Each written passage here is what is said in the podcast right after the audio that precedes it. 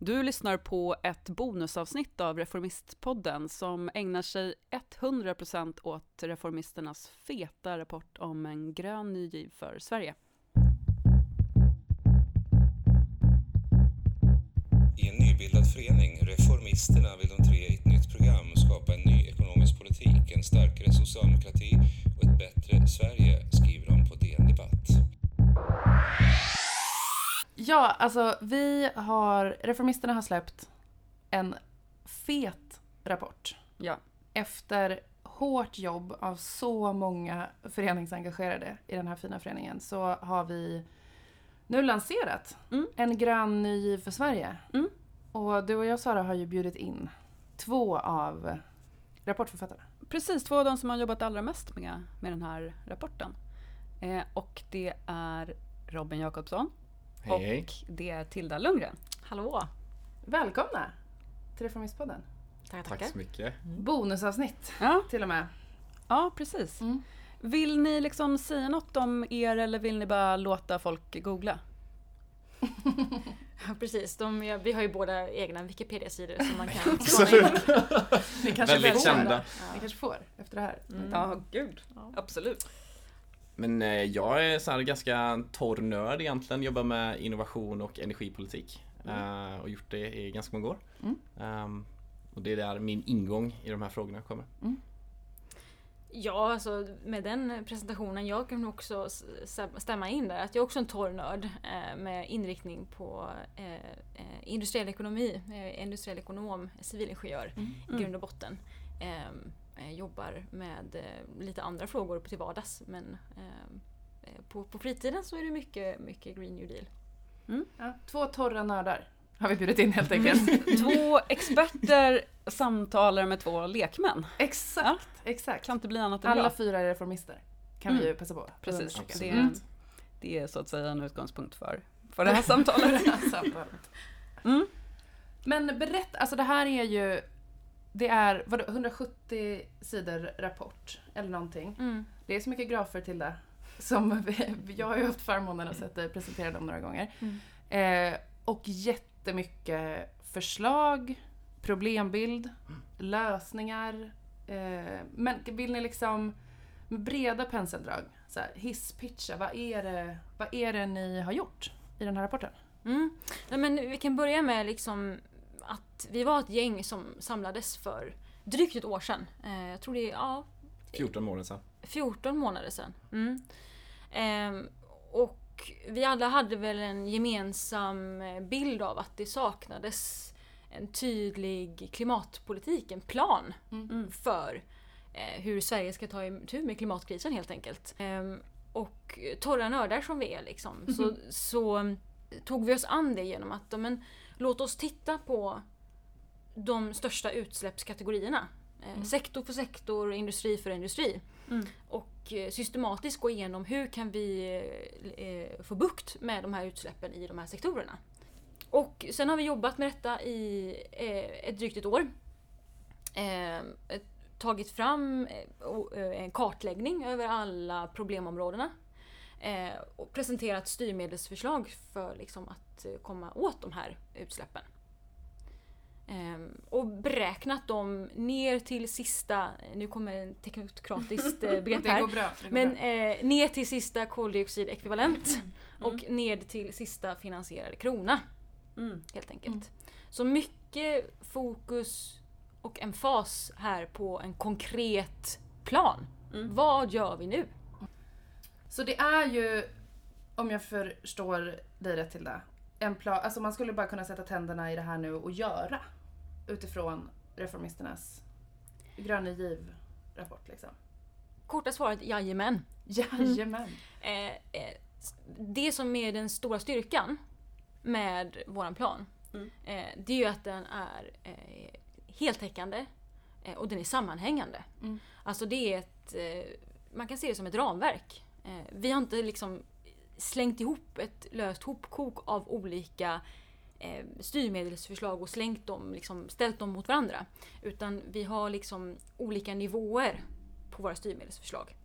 Och det är det som är styrkan, att det är, det är de stora sektorsövergripande Mm. styrmedlen. Mm. kombinerat med de inriktade sektorsspecifika styrmedlen. Mm. Och det här ramverket, det är det som vi är liksom extra stolta över. Att, att det är en sammanhängande plan. Sen kan man ju alltid gå in och ha en debatt kring liksom, vissa enskilda styrmedel. Mm. Den debatten välkomnar vi. Ödmjukt. Liksom. Ja. Men vi eh, kompromissar inte med det faktum att det behövs en, en Plan. sammanhängande Ja, plan. ja. Mm. Inte lösa utspel som ställs mot varandra. Men okej, så den är liksom, eh, den är heltäckande och sammanhängande och går att genomföra. Det är liksom, Och är finansierad. också. ja precis. Ja. Precis, vi har ju utgått ifrån reformbudgeten som vi tog fram i höstas här nu då. Ehm, så den är, den är finansierad och sen så är den genomförbar också eh, som är väldigt viktig. Alltså vi har ju beaktat olika lagar och regler som finns, eh, statsstödsregler etc. ehm, som är väldigt viktigt faktiskt för att vi kan inte göra allt vad vill, vi liksom vill som land för att vi måste beakta vad EU säger också. Just det. Eh, och det är en väldig styrka. Vi har juristkompetens i gruppen. Mm.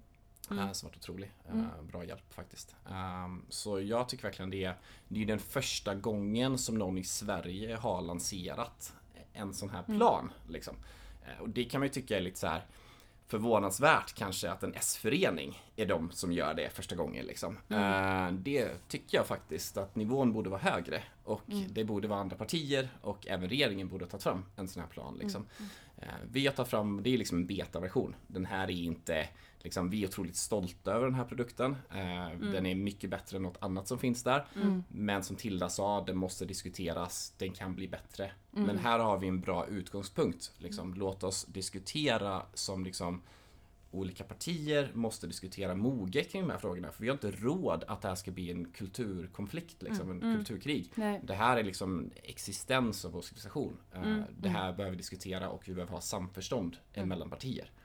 Ja men precis, och jag, jag tänker ändå det att jag har jobbat med de här frågorna i, i riksdagen som ledamot i miljö och jordbruksutskottet som ju var mottagare då av eh, liksom den här typen av eh, rapporter och initiativ och sådär. Eh, och alltså det har ju gjorts olika statliga utredningar, alltså SOUer eh, på det här området som ju riktigt, inte riktigt har nått så här långt. Eh, och det känns ju faktiskt helt vansinnigt eh, att eh, en S-förening presterar bättre.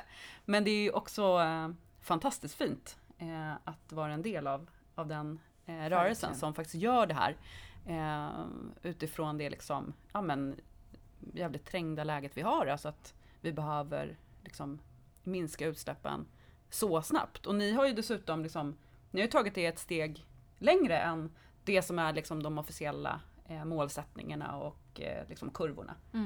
Ja men precis, alltså, vi har ju räknat på vad våra förslag kommer innebära i utsläppsminskningar. Mm. Eh, och eh, det är ju netto nollutsläpp till inte 2035 utan faktiskt 2034. Så det är också då i linje med Parisavtalet vad Sverige ska, eh, ska svara upp med helt enkelt.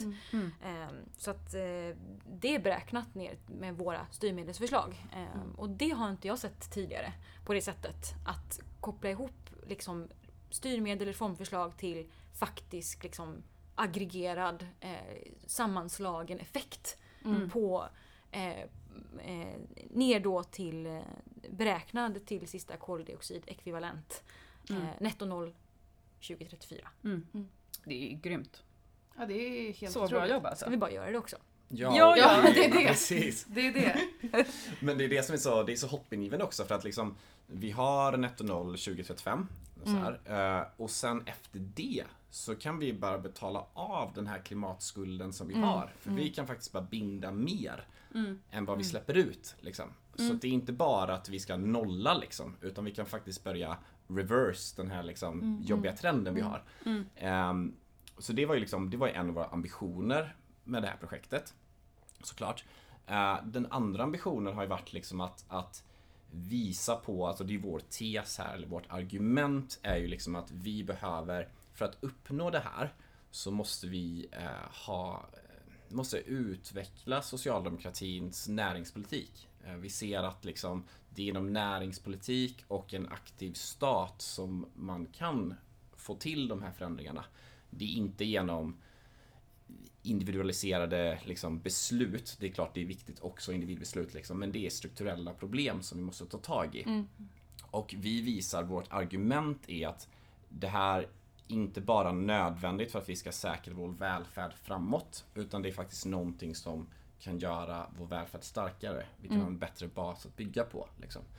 Ehm, och sen faktiskt en, en tredje ambition vi har haft med den, här, eh, med den här rapporten har ju visat att om vi ska lyckas med den här omställningen, det här är alltså, den här utmaningen är stor. Den är inte oöverkomlig. Det är många som är så här väldigt negativa i debatten och tror att allting är kört. Det är det inte. Men det är en stor eh, förändring av samhället. Det är en stor omdaning av samhället. Typ likt eh, industrialiseringen eller efterkrigstidens liksom, stora förändring av samhället. Om vi ska lyckas med det, då måste omställningen vara rättvis. Eh, och med det menas liksom att i debatten ofta så diskuteras det här som att det är en kostnad, det är någonting vi måste göra för att vi ska vara goda människor för liksom planeten. Eh, det vi vill visa på här är, vi vill ge hopp liksom. Vi vill visa på att det här, genom de här åtgärderna som vi föreslår, det är klart det kommer kosta, det kommer vara jobbigt också. Men det, det kan ge hopp både för individer men även för samhällen. Vi ser det bara de nyligen liksom eh, planerade investeringarna i Boden och liksom i Luleå och sånt där. Det är väldigt mycket arbetstillfällen som skapas. Skellefteå har fått en renässans liksom nu genom batteri, batterianläggningen där. Det är liksom, det är bara en eh, ett smakprov av vad vi kan ha framöver. Eh, Men om vi ska lyckas, om vi ska få med befolkningen på det här, då måste man känna hopp och man måste känna att man betalar rättvist för den här kostnaden. Va? Det ska vara att vi vet, och det visar vi i liksom rapporten, att de rika släpper ut väldigt mycket mer koldioxid. De ska pröjsa för det. Liksom. Det är väldigt, väldigt viktigt. Um, och man ska få stöd i omställningen. Och jag tror typ så här, även om det då är en betaversion och vi kan göra bättre, så tycker jag så här att ja, men vi har uppnått de där tre. Liksom. Vi har en konkret plan, vi har visat hur näringspolitiken kan bli bättre och vi har visat i mångt och mycket hur vi kan ha mer rättvis omställning. Ja. Även om vi fortfarande kan bli bättre på den punken, på den, på den liksom pucken tror jag. Och Jag kan också vad heter det, lägga till där att omställningen kan bli rättvis när vi tar oss an den gemensamt. Eh, bara där är det första steget är väldigt viktigt. Jag personligen är otroligt trött på det här moraliserandet att du som individ ta, måste ta ansvar. Eller, vi- ett visst ansvar ligger ju där också men man kan inte lösa klimatkrisen själv. Och bara som ett varför det, är så, varför det är så himla talande att vi har tagit oss an de territoriella utsläppen och tittat sektor för sektor. Vart släpper Sverige ut mest eh, växthusgaser? Eh, och tittat just bara som ett exempel. Eh, så har vi ju industrisektorn är ju en av de största sektorerna. Mm. Eh, där i har vi just eh, stålsektorn eh, som är liksom en väldigt bidragande Ja. faktor där. Och tittar då på det här projektet Hybrit eh, som är då för koldioxid eller fossilfri eh, stålproduktion. Eh, det projektet som är, visst är det, är det fyll, i, fyll i här nu Robin, vilka är det? Det är SSAB, LKAB och Vattenfall som sammankör det. Ja men exakt. Och skulle det här projektet lyckas med det man tänker då att man ska ha fossilfri produktion av, av, Mm. av stål. Ja men då kan man dra ner Sveriges eh, utsläpp med 10%. Mm. Med ett projekt. Mm. Det, det, det är ett ganska stort projekt. Ja. Men med ett projekt. Eh, och bara det där att liksom, vi, de stora utsläppen de kan vi komma åt gemensamt tillsammans. Vad är det här med eh, aktiv stat? Det återkommer ju i rapporten och lite i snacket nu. Jag tänker att det är ju en av grejerna som, som sticker ut med Reformisternas gröna giv. Precis. Tittar man tillbaka historiskt eh, så, eh, och framförallt tittar på USA. Eh, det är där som många av de mest talande exemplen finns. Eh, så USAs historia kring varför man har gått så bra som en så stor världsekonomi har ju mycket pekat åt liksom den det privata sektorns förträfflighet eh, och att man har avreglerat och sådär. Men det som är intressant med USAs historia är ju att man har eh, liksom sagt en sak och gjort en annan. Eh, så många av eh, USAs liksom, största industriella framgångar är väldigt starkt sponsrade och finansierade av amerikanska staten på olika sätt. Eh, Mm. eh, och det här är liksom eh, exemplifieras bra med till exempel eh, internet. Eh, det är sponsrat ett projekt av amerikanska försvarsmyndigheten. Mm. Eh, vi har eh, liksom massvis med liksom typ GPS, touchscreen, eh, den här Apples teknologi bakom Siri. Det Mm. finns massvis inom IT-teknologin som är liksom direkt eller indirekt på något sätt sponsrat och finansierat av amerikansk, amerikanska staten. Mm. Eh, och kanske det bästa exemplet av dem alla eh, är, eh, är eh, månlandningen eh, Mm. på 60-talet. Mm. Eh, när med Kennedy och med flera liksom säger har ett, ett mål, en, en, eh, en, ett mission som de siktar mot och liksom put a man on the moon. Och eh, går in amerikanska staten då via NASA och andra amerikanska myndigheter eh, pumpar in massvis med pengar. Ja, inte massvis om man jämför med vad till exempel deras olika krig i olika typer av världsdelar Ja. kostar så är det försvinnande summor. Men ändå, de visar vägen och investerar i allt ifrån liksom farkostteknologi till liksom matkonservering för nya sätt att konservera mat. Till Mm. liksom nya textilier för rymddräkter och så vidare. Och detta eh, gör man med att man pytsar in då eh, offentligt kapital, alltså från, Mm. från skattebetalarna. Och det mobiliserar det privata kapitalet. Så det är ju andra som, privata bolag som vill vara med på det här eh, eh, rymdracet. Eh, och vara med och ta fram de här nya textilierna eller de nya matkonserveringsmetoderna eller eh, mm. farkostteknologin. Eh, och det är lite det här samma tänk då. Eh, som, och det här är liksom väl etablerat i forskning och det är många liksom ekonomer som, som, som pratar kring detta. Mm. Och debatten som går nu eh, i, liksom, kring detta, det är just det här, varför kan vi inte ta samma tankesätt? Det här uh, Put a man on the moon, Mm. Mm. hette det på 60-talet. Men varför kan det inte heta Gör Sverige klimatneutralt? Mm.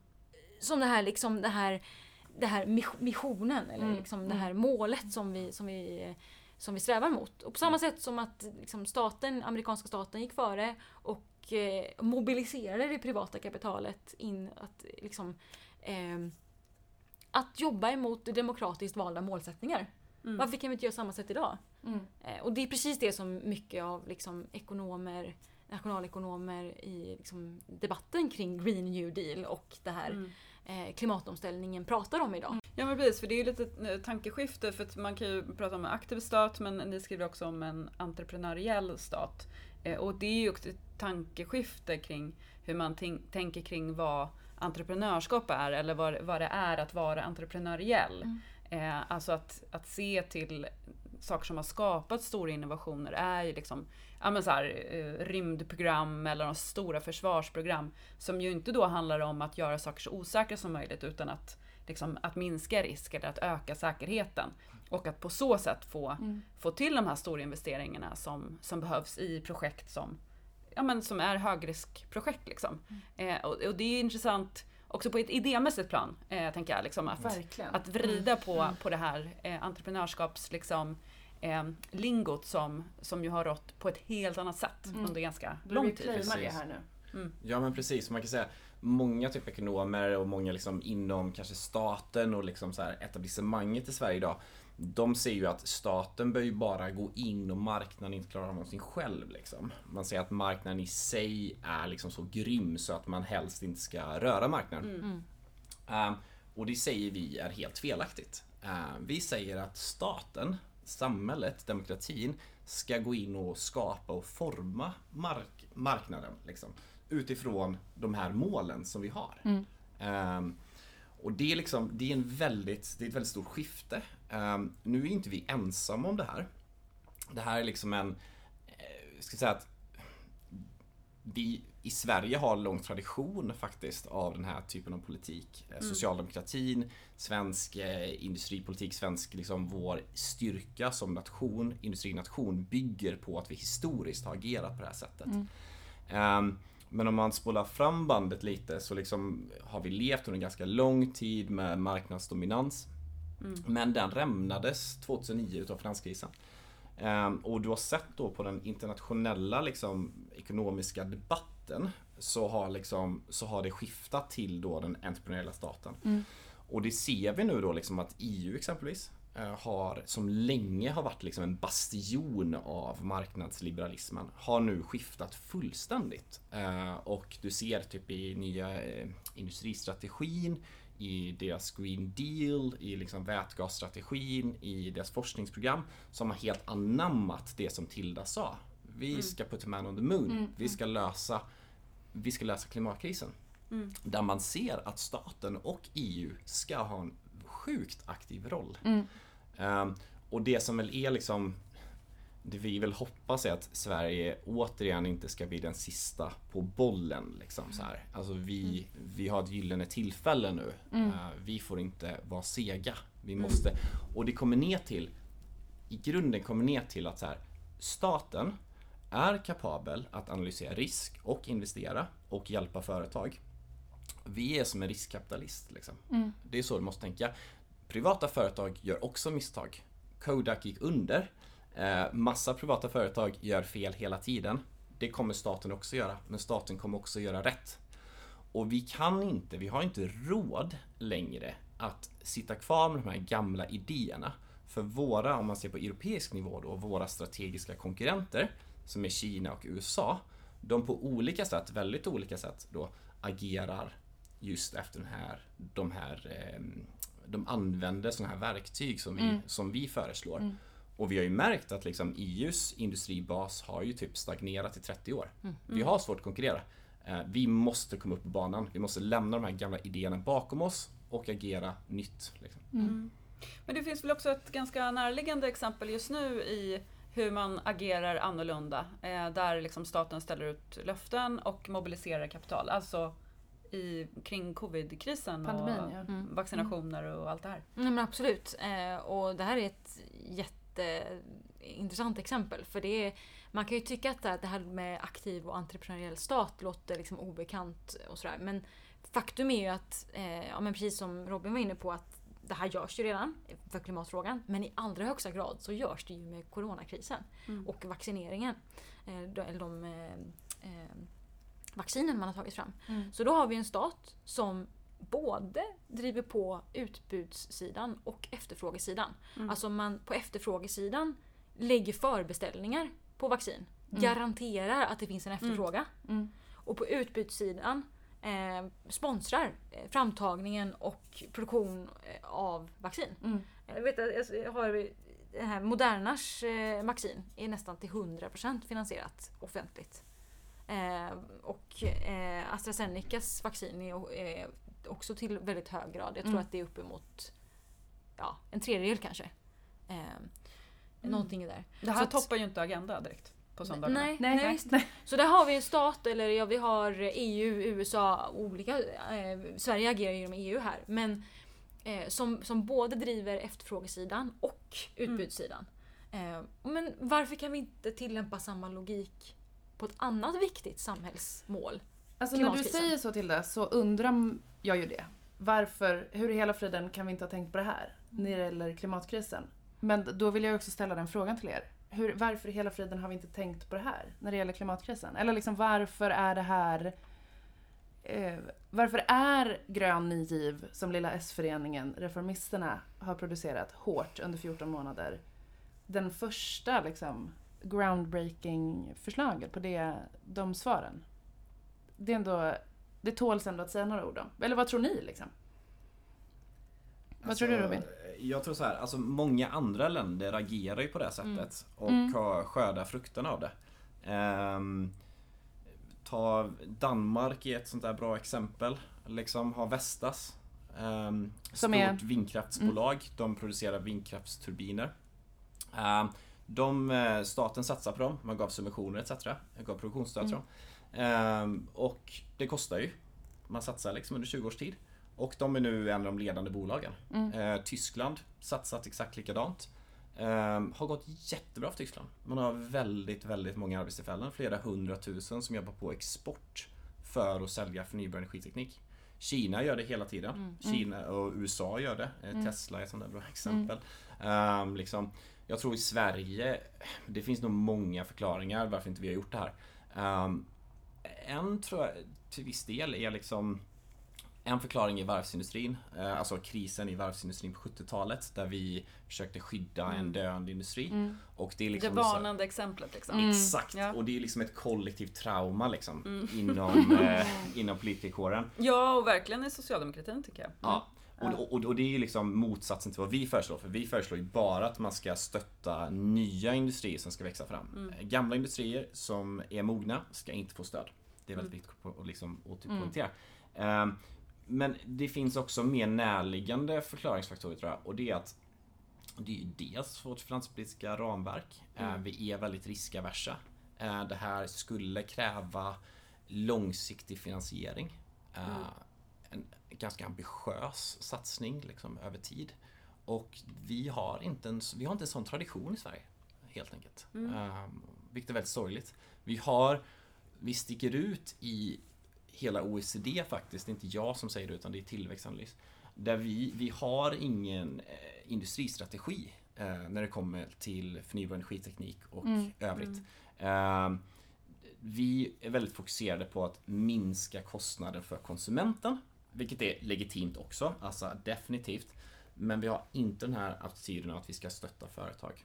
Och det syns. Vi har inga nya verkstadsindustrier som jobbar med de här frågorna. Nej. Nej, och jag tänker att så här, någonting som liksom har eh, stått i vägen för det och som därför är väldigt intressant med, med tanken i den här rapporten, det är ju att liksom eh, teknik, alltså principen om teknikneutralitet har varit i princip helig i svensk liksom, klimatpolitik och energipolitik Mm. och sådär. Eh, alltså att politiken inte ska lägga sig i vad marknaden gör, man ska bara styra mot minskade utsläpp, men vilken teknik man väljer att satsa på, det är liksom helt upp till marknaden. Eh, och eh, liksom, Vad bra det går för marknaden. det går inte alltid så bra, nej. Och som, som Robin var inne på så går det inte alltid eh, superbra för, för staten heller. Men det finns ju verkligen en vits i att det är liksom demokratin som, som liksom, eh, med, med de muskler och möjligheter att inhämta kunskap man ändå har, eh, är med och driver det. Liksom. Eh, och det är ju eh, ja, men, någonting som har potential att förändra debatten i, i Sverige. Liksom. Precis, det är ju typ Det är som en religion det här idag skulle jag vilja hävda liksom bland många. Teknikneutralitet är liksom en, en bra princip i ganska många situationer. Men det beror väldigt mycket på vad du vill uppnå. Liksom. Ehm, om du vill att det ska kosta så lite för konsumenten som möjligt, då kommer du välja det.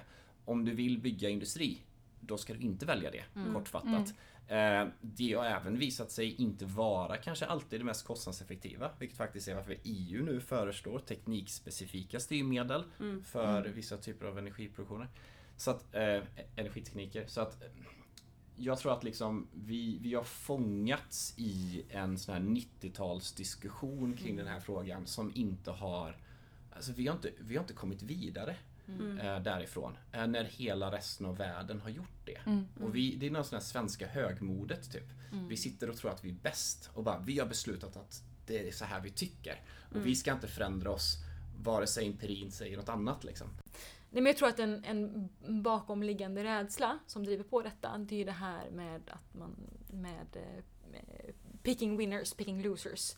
Ehm, och ett, ett bra talande exempel för detta, det är ju Tesla, som många har hört talas om. Mm. Jo tack. Eh, Solyndra, vilket kanske inte riktigt lika många har hört talas om. Nej. Eh, Tesla och Solyndra fick eh, lån, Å, återigen, amerikanska staten. Ja. Eh, Ja.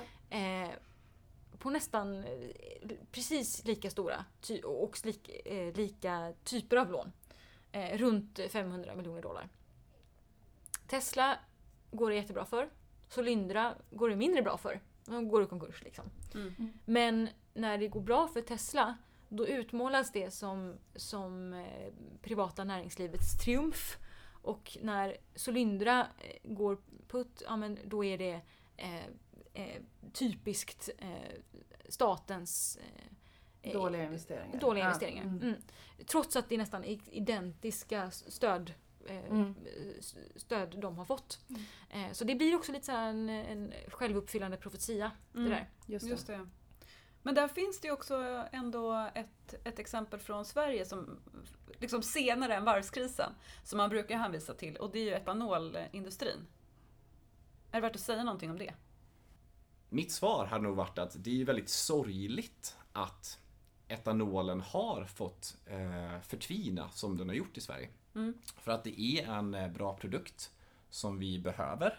Eh, den är väldigt bra för att köra äldre fordon med.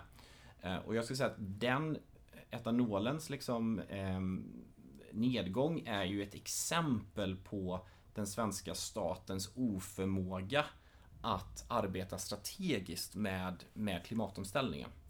Där om man följer svensk debatt så varje år så kommer det upp en ny teknik. Nu är det vätgas som är på liksom hypen. Varenda, varannat år så är det en ny teknik som kommer.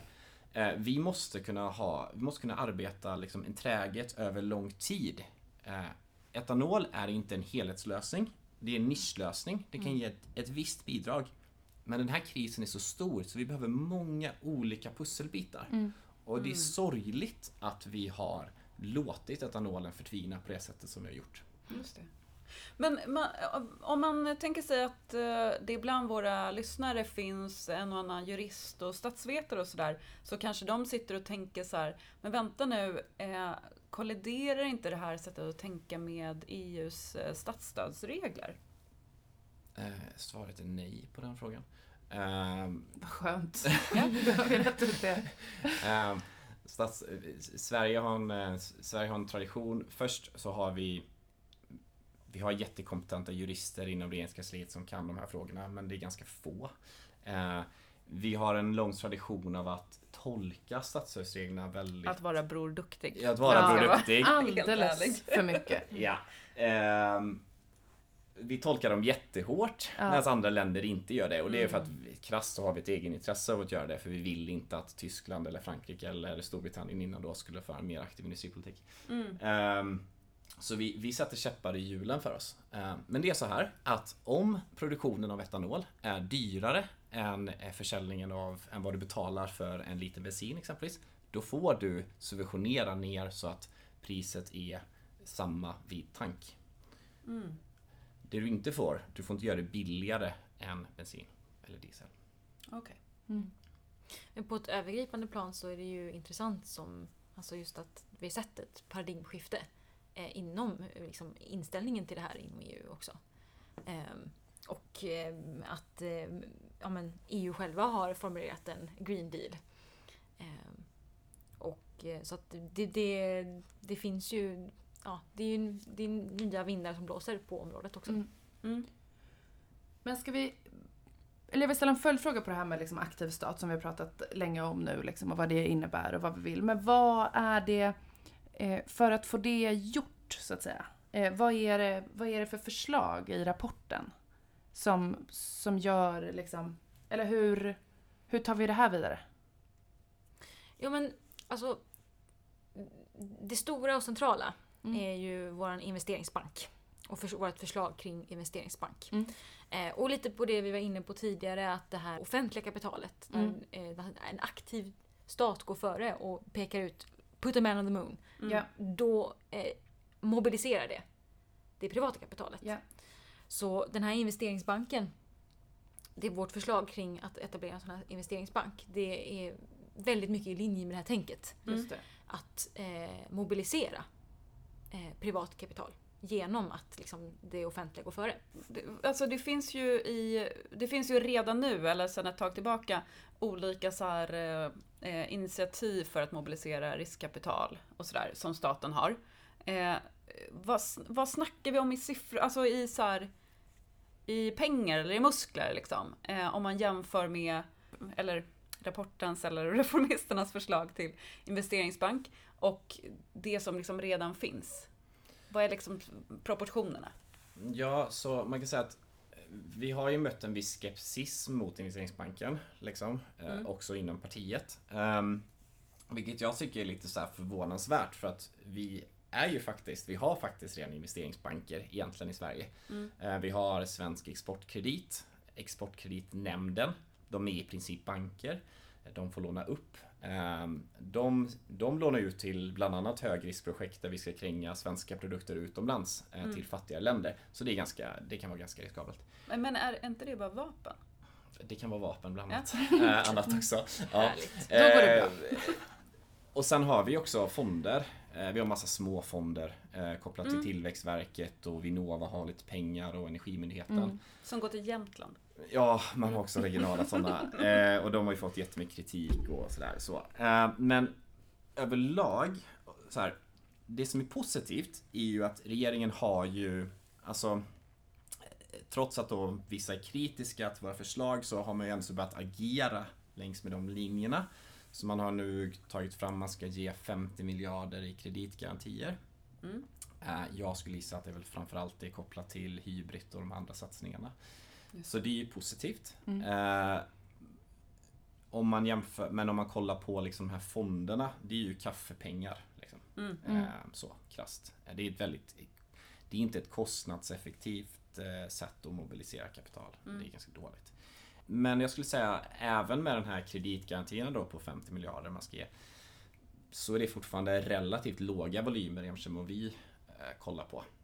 Eh, det intressanta är ju att Många tänker ju att den här investeringsbanken, att det här blir en kostnad för staten. Eh, vi i Reformisterna föreslår ju att vi separerar drift och investeringsbudget. Mm. Och så tänker folk, ja men det är bara någon sån här bokföringstrick liksom. Mm. Här, ta lite pengar från drift och Mm. för till investering liksom. Och sen så Mm, mm. passar, så eh, försvinner det i liksom statsbudgeten och sådär. Eh, Det är väldigt fel. Eh, Vi tänker som en bank. Vi tänker som en privatbank. Och då är det så här att den här investeringsbanken, hur den fungerar, är helt enkelt att den, den får lite cash från staten. Den tar den cashen och så går den till kapitalmarknaden och lånar upp pengar. Så får du en sån här hävstångseffekt det kallas. Så för varje typ offentlig krona så eh, kan vi kanske då kan vi få upp 10 privata kronor in. Mm. Eller 15. Deutsche Bank eh, 2008 hade 50 kronor. De hade lånat in Mm. för varje krona de Mm. hade. Så vi är ganska konservativa när vi säger 10. Du tar dem och sen så lånar du ut dem då Mm. till olika projekt som vi ser. Vi ser liksom bostadsrättsföreningar för att de ska energieffektivisera. Det är kommunala fastighetsbolag för att de ska renovera sina, sina miljonprogram. Det är liksom större industrier som ska ställa om. Det är nya industrier. Brett liksom. Ja. De lånen som vi ger ut, det är inte en kostnad för staten. Utan det är en tillgång. Mm.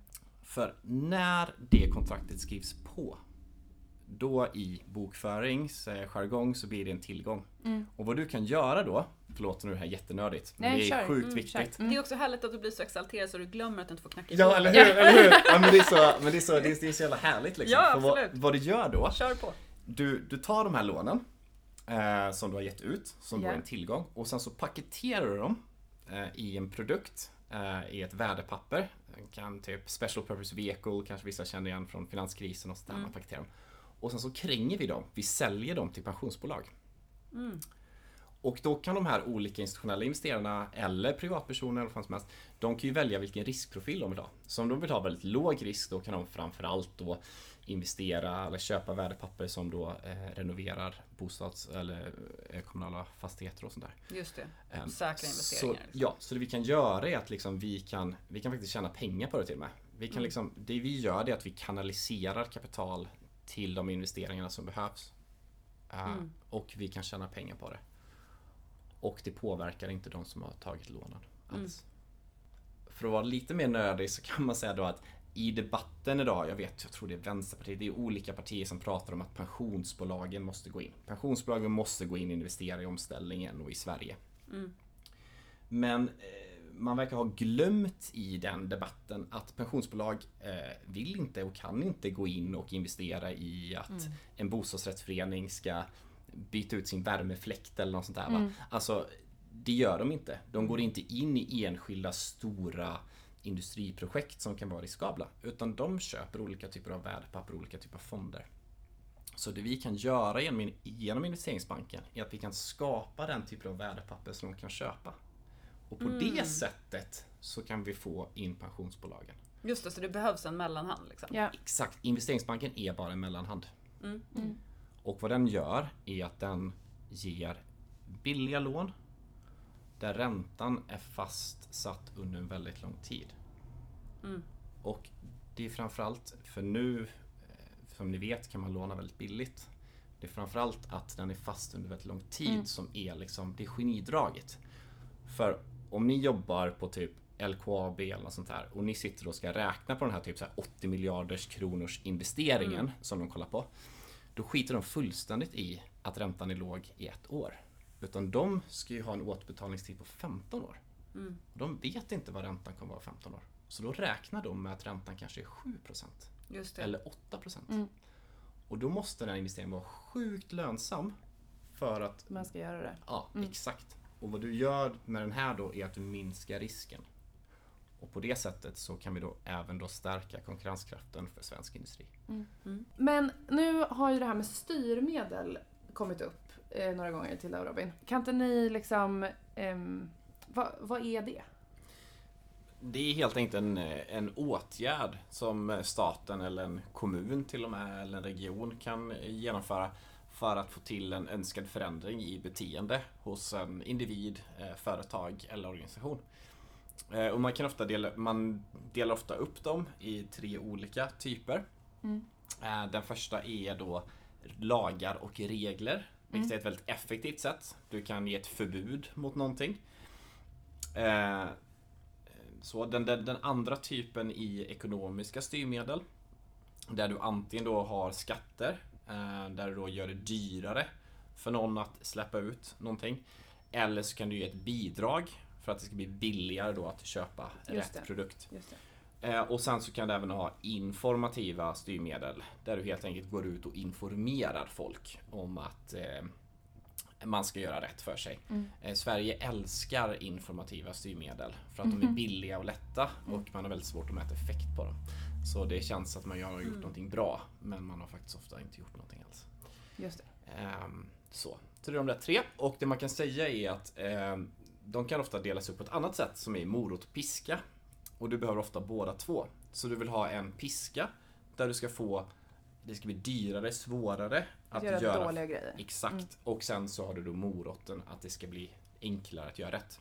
Och billigare. Och billigare. Och det är liksom en, en fin balans liksom att gå.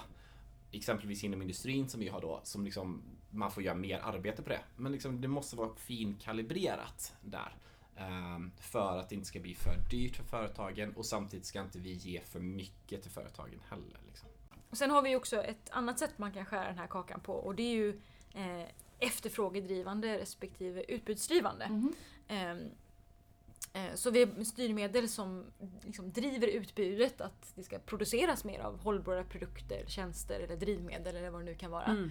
Eh, men också efterfrågedrivande. Att eh, men privatpersoner och företag faktiskt liksom vill köpa detta. Antingen för att det är billigare eller av andra anledningar. Mm. Eh, så Mm. så att det finns också den skärningen som vi har gjort och tagit hänsyn till. Just det. Och rapporten innehåller eh, förslag på jättemånga olika slags styrmedel. Mm. Ju, som ni har liksom delat in på lite olika nivåer. Berätta om, om de styrmedel som ni föreslår. Eller kanske snarare indelningen av dem. Liksom, Just det. och vad det skulle kunna vara. Just det. Nej, men för totalt så är det 73 stycken styrmedel. Mm. Eh, och för att liksom kunna ha de här i huvudet samtidigt, det är ju ganska många, så har vi strukturerat upp dem på tre nivåer. Så en liksom högsta nivå, övergripande eh, nivå, eh, som handlar om statlig styrning och finansiering. Mm. En mellannivå, som vi kallar då för sektorsövergripande, som berör alla sektorer. Och sen en lägsta nivå som är väldigt detaljerad. Eh, som är sektorsspecifika styrmedel. Mm. Men om vi liksom kollar på de, den högsta nivån Mm. med den här statliga styrningen och finansieringen. Eh, där har vi till exempel styrmedelsförslag som, som handlar om eh, ett, eh, ett omställningsråd under statsministern som ska koordinera hela det här, här. kalaset. Ja. Mm. Mm. Eh, det handlar mycket om frågor, alltså koordinera eh, mellan eh, kommun, region och stat. Eh, mellan myndigheter och se till att den styrningen blir bra. Mm. Det som saknas avseende miljömålssystemet till exempel. Till exempel. Kan man tänka. Men så att det är, med enkelt uttryckt så är det, här, det är hjärnan Mm. i Ja. omställningen. Mm. Mm. Eh, och sen så mellannivån. Det är lite mer motorn i omställningen. Alltså, och, och där i hamnar den här investeringsbanken. Just det. Eh, men det är också andra, liksom, till exempel eh, försäljningsstopp för fossila eh, drivmedel. Mm. Eh, och andra typer av liksom, sektorsövergripande styrmedel. Mm. Just det. Eh, och sen sista nivån då som är liksom in på de respektive sektorerna. På transportsektorn, på jord och skogsbruk, på Mm. industrisektorn. Eh, där vi har liksom grottat in oss och sett liksom det här väldigt riktade styrmedlet är lämpligt Mm. för den här sektorn. Just det, där liksom de här stora grejerna inte tar utan man behöver... Ja. Det finns hinder som de generella styrmedlen, de sektorsövergripande styrmedlen inte kan adressera. Mm. Ehm, och de här verktygen och åtgärderna ska ju alltid liksom de ska identifiera hinder och adressera de här hindren för att få till den här förändringen som Just du vill det. åt. Mm. Man kan ju säga att vi liksom svär lite i kyrkan med den här stora breda kolossen av förslag. För att vi har en tradition i Sverige av eh, att man ska ha väldigt få styrmedel och bara generella. Mm. Eh, Men vi ser ju krasst så här att vi, våra utsläppsminskningar är 1% per år. Ehm, De behöver vara 10 till 16% per år. Mm. Alltså empiriskt. Ja. Det går inte att kolla på det och säga att det vi har idag är tillräckligt. Just det. Vi föreslår ju att de generella styrmedlen som vi har idag ska bli skarpare. Men vi ser också att det finns ett behov av ytterligare. Just det. Men kan du inte ge något, eh, liksom, eller några eh, exempel på vad, vad det är för styrmedel så man bara får en bild av? Ja, så på de sektorsövergripande där så kan man säga, det var ju det som Tilla var inne på det, men skulle säga lite mer generellt så kan man säga att vi har ganska mycket så här, det här har vi ganska mycket piskan. Ehm, Vi visar på, liksom vi har bindande sektorsvisa mål, liksom du måste nå upp till den här eh, till att vara klimatneutral till det här datumet liksom. Eh, annars får du betala en avgift. Ehm, vi har också typer av morötter där. En sån som jag gärna vill lyfta fram är då utbildningsinsatser. Eh, att det är ju liksom en av de största hoten mot, mot att vi ska kunna genomföra den här. Det är ju att vi inte har utbildad arbetskraft. Eh, vi kommer behöva liksom en enorm bredd av kompetens. Det är liksom inte bara liksom ingenjörer, vi kommer behöva, liksom, vi kommer behöva byggnadsarbetare, vi kommer behöva svetsare, vi kommer behöva elektriker etc. En bredd av kompetens, en stor bredd av kompetens. Så vi faktiskt lägger en, en stor del av de här utgifterna som vi har då i vår budget är ju faktiskt utbildningsinsatser. Ehm, om man går ner på liksom de sektorspecifika också, då har vi vad gäller exempelvis transporter så har vi ett gäng satsningar som tillsammans syftar till att alla människor i det här landet då ska kunna ha råd att köpa en klimatbil. Mm. En elbil eller biogasbil eller whatever. Vi gör också givetvis väldigt mycket satsningar för att man ska åka mer kollektivt. Ehm, Så det är det första steget. Liksom. Men vi gör också, vi har ju pratat, den här podden har vi pratat väldigt mycket om industripolitik och liksom haft fokus på det. Jag vill bara poängtera att liksom rapporten är ju bredare än så. Eh, och det kanske vi kommer tillbaka till i andra poddar. Men ska ge ett sånt exempel på liksom är att vi har väldigt mycket åtgärder fokuserade till jordbrukssektorn. Mm. För det är en väldigt svår sektor att liksom eh, hantera. Vi har Ja, väldigt många små precis. aktörer på den. Mm. Eh, och så, så en sån där liksom specifik är då att vi vill ha Vi satsar på naturliga kolsänkor. En viktig del av att vi når vårt mål med netto nollutsläpp 2035 är att vi har naturliga kolsänkor. Det innebär bland annat att vi ska eh, återveta utdikade våtmarker. Mm. Och det, alltså, den typen av åtgärder riktade till, eh, till jordbrukssektorn som handlar, och även skogssektorn Mm. i viss utsträckning som handlar om att skapa eh, eller bibehålla naturliga kolsänkor är ju också viktiga för andra miljömål. Eh, Exakt. som ju lätt hamnar i skymundan från klimatkrisen, alltså att vi också har en kris för den biologiska mångfalden. Mm. Och där gifter ju sig de här frågorna. Exakt. ändå. Man kan säga liksom att vi Det är en väldigt stor satsning på, på faktiskt biologisk mångfald. Mm. Ehm, inom både jordbruket och skogsbruket. Mm. Som känns väldigt roligt faktiskt. Och Ja. jag får in den, den aspekten Mm. också för den är väldigt, väldigt viktig. Mm. Och det kanske är liksom ett tema som, som vi får återkomma till i podden i ett liksom eget avsnitt eller inslag eh, som rör just det som ju är ett ja, mm, det är ju ett ganska eget men ganska stort område Mm. kan man säga. Mm. Absolut. Okej hörni, men eh, en fet rapport, jättemånga styrmedel, en helt ny eh, syn på vad svenska staten, vem svenska staten ska vara Mm. liksom, i ansvarstagandet för den här omställningen Mm. innehåller ju den här rapporten. Eh, när den här podden släpps så har ju också rapporten släpps, Mm. släppts. Så eh, ni som förhoppningsvis har blivit jättenyfikna mer på att liksom grotta ner i den här rapporten så, så finns ju den tillgänglig nu på Mm. Reformisternas hemsida. Och förhoppningsvis i ditt flöde där den Ja. har dykt upp under veckan. Men jag tänker att eh, vi ska säga någonting om också, så här, vad hoppas vi på nu då? Eller vad hoppas ni på nu? Ni har jobbat i 14 månader med det här, har ni ju berättat tillsammans med flera andra både inom vår förening och, och i andra delar av ja, men socialdemokratin tror jag och, och liksom proffs som har varit med och bidragit och så. Men vad, vad, vad tror ni händer nu? Liksom? Hur hoppas ni, eller hur tror ni att det blir, blir mottaget, det här arbetet? För det första så är ju detta vårt förslag på hur en socialdemokratisk eh, klimatpolitik eh, kan se ut, eller bör Mm. se ut till och med. Eh, så där hoppas vi på liksom, att höja temperaturen i den debatten och Mm. liksom lägga, kasta handsken där. Mm. Men eh, jag tror också att eh, det kommer förhoppningsvis få massa intresse också från annat håll, som eh, annat, andra, från andra eh, partier eller liksom icke partipolitiskt bundet. Mm. Eh, eh, och och det, det ser jag verkligen fram emot, Mm. att få respons från det hållet. Men eh, vår ambition har ju hela tiden varit att bara höja ribban Mm. på den här debatten. Mm. Det. Det räcker inte att ställa populistiska utspel mot varandra utan sammanhang, utan konsekvens.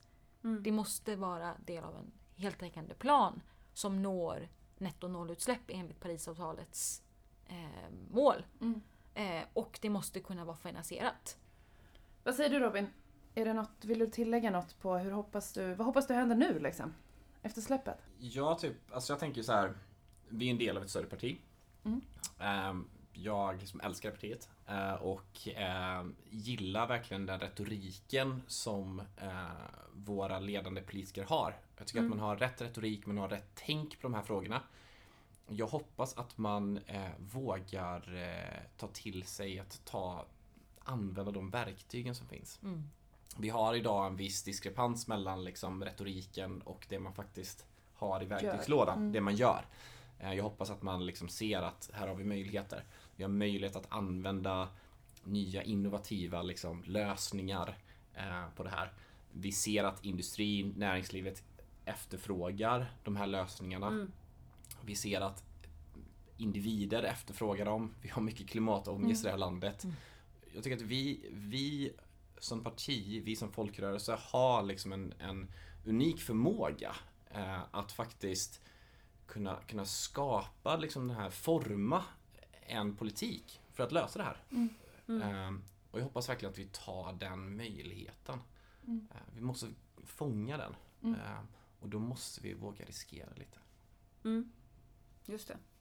Men det är ju också, får man väl säga, att återanknyta till. Jag tänker, du pratar om liksom, diskrepansen mellan retorik och faktisk politik. Så är ju det här verkligen ett sätt att återknyta eh, till socialdemokratisk eh, liksom, tradition under 1900-talet. Verkligen. I hur man har liksom, Mm. eh, agerat. Ja, och jag tycker också att det är så... Det lirar så himla väl för mig också med liksom vilka reformisterna har varit som förening. Alltså att det är så, det är så himla, himla våran förening. Även om vi liksom skojat lite om att så här, ja, borde det vara en S-förening som lägger det här på bordet och varför har ingen liksom höjt ribban tidigare och sådär. Men jag tänker att det är, ett så, det är ett så ansvarsfullt sätt att efterfråga en höjd ribba i diskussionen. Att liksom lägga fram förslag. Och som ni säger, så här, det här kan vi prata om. Inom ramarna för de här 73 styrmedlen. Det kanske finns något annat vi borde göra för jordbrukssektorn eller transportsektorn eller så här. Men det är så... Eh, ja, jag tycker att det är verkligen så här, det är ett ansvarsfullt sätt och eh, helt rätt sätt att försöka höja ribban. Att säga så här, kolla på det här då. Hörni, då är det det här vi får prata om. Liksom. Mm. Det, det blir ju svårt, det blir ju svårt som politisk motståndare eller för den delen medhållare att delta i den debatten om man inte gör jobbet. Mm. Så att säga. Mm. Ni har ju redan höjt nivån för att ni krä- liksom avkräver att vi ska åtminstone prata om det på det här liksom, sammanhållna sättet. Sen Mm. behöver man ju inte hålla med oss. Men vi avkräver liksom, i så fall en bättre idé. Mm. Och jag tänker liksom vad som, vad som händer nu. Eh, vad som händer om typ ett halvår är ju att eh, Socialdemokraterna går till partikongress. Eh, och eh, även om eh, allt som finns i den här rapporten inte hinner omvandlas till eh, motioner till partikongressen eller sådär så finns det ju eh, väldigt mycket eh, ur den här rapporten att hämta eh, för ett parti som törstar efter ett projekt eh, och efter liksom, eh, saker som kan både förena liksom, eh, ett nytag i den ekonomiska politiken, näringspolitiken och välfärdspolitiken. Som Mm. ju liksom, den här rapporten bidrar med just det. Mm. Ja. Och det tänker jag att vi tillsammans också behöver göra ett arbete i inför eh, liksom, partikongressen. Att, eh, att lyfta det, att så här, påverka både debatten eh, bara i stort Mm. men också eh, influera eh, socialdemokratin eh, och arbetarrörelsen i stort, även fackföreningsrörelsen Mm. i hur man liksom eh, fortsätter gå fram med de här frågorna. För det här är ju inte bara en, en överlevnadsfråga för, för Sverige och världen utan också för socialdemokratin som politisk rörelse. Gud, alltså ja. gör vi inte det här, eh, då har vi inget projekt liksom. Nej, och, och så jävla viktigt apropå fackföreningsrörelsen som du säger nu. Alltså Mm. det här är ju otroligt viktigt för liksom, men som ett smörgåsbord för fackföreningarna. Apropå det här med utbildning, omställning, ha med sig industrin, ha med sig oavsett om det är ingenjörerna eller byggnadsarbetarna eller, Mm. eller svetsarna liksom. Som måste nappa. Mm. Och även om vi inte hinner få hela rapporten till motioner så har vi ju ändå, vi vet ju att de finanspolitiska förutsättningarna som rapporten ändå har eh, delvis kommer behandlas på kongressen. Mm. Vi har ju kommit en bra bit på vägen med den ekonomiska politiken från reformisternas håll så att det kommer ju det kommer fattas en hel del förhoppningsvis kloka reformistiska beslut Mm. på kongressen som, som ändå sätter ramverket Mm. mycket för, för de här styrmedlen och allt vad det är som, som rapporten föreslår ju. Absolut, och jag tänker att även om liksom, allting inte kommer behandlas i detalj liksom, i, i besluten så är ju partikongressen också en plattform för att eh, driva debatten. Och jag tänker vi Mm. får ha som målbild att, eh, att Stefan Löfven ska stå flankerad av eh, Tilda och Robin eh, och prata om eh, en ny industripolitik som tar liksom, klimathotet på, på allvar. Mm. Eh, och där han säger Tack, ni levererade min nyindustrialiseringsstrategi. Det är väl en bra målbild? Det är en bra målbild. Jag signar på den. Bifall. Mm. Jag finner bifall. Mm. Ja. Tusen tack Tilda och Robin. Eh, ett, för att ni har gjort ett jävla hästjobb Ja, med den här verkligen. rapporten. Det är helt otroligt. Eh, vi som läser den, har läst den, kommer att läsa den, gör det med ödmjukhet och Mm. är så glada att ni har tänkt och tänkt och skrivit och skrivit och läst och läst och tänkt Mm. lite till. Verkligen. Och tagit den tiden tillsammans med jättemånga andra eh, reformister och smarta huvuden. Men också tack för att ni ville vara med i eh, Reformistpoddens första bonusavsnitt, Ja. tror jag, Precis. i livet. Mm. Ja, det var superkul verkligen. Jätte, Var det jätteroligt. Ja. Kul. tackar vi för. Det gjorde ni bra. Stort tack hörni. Tack så mycket. Fint, tack. Tack.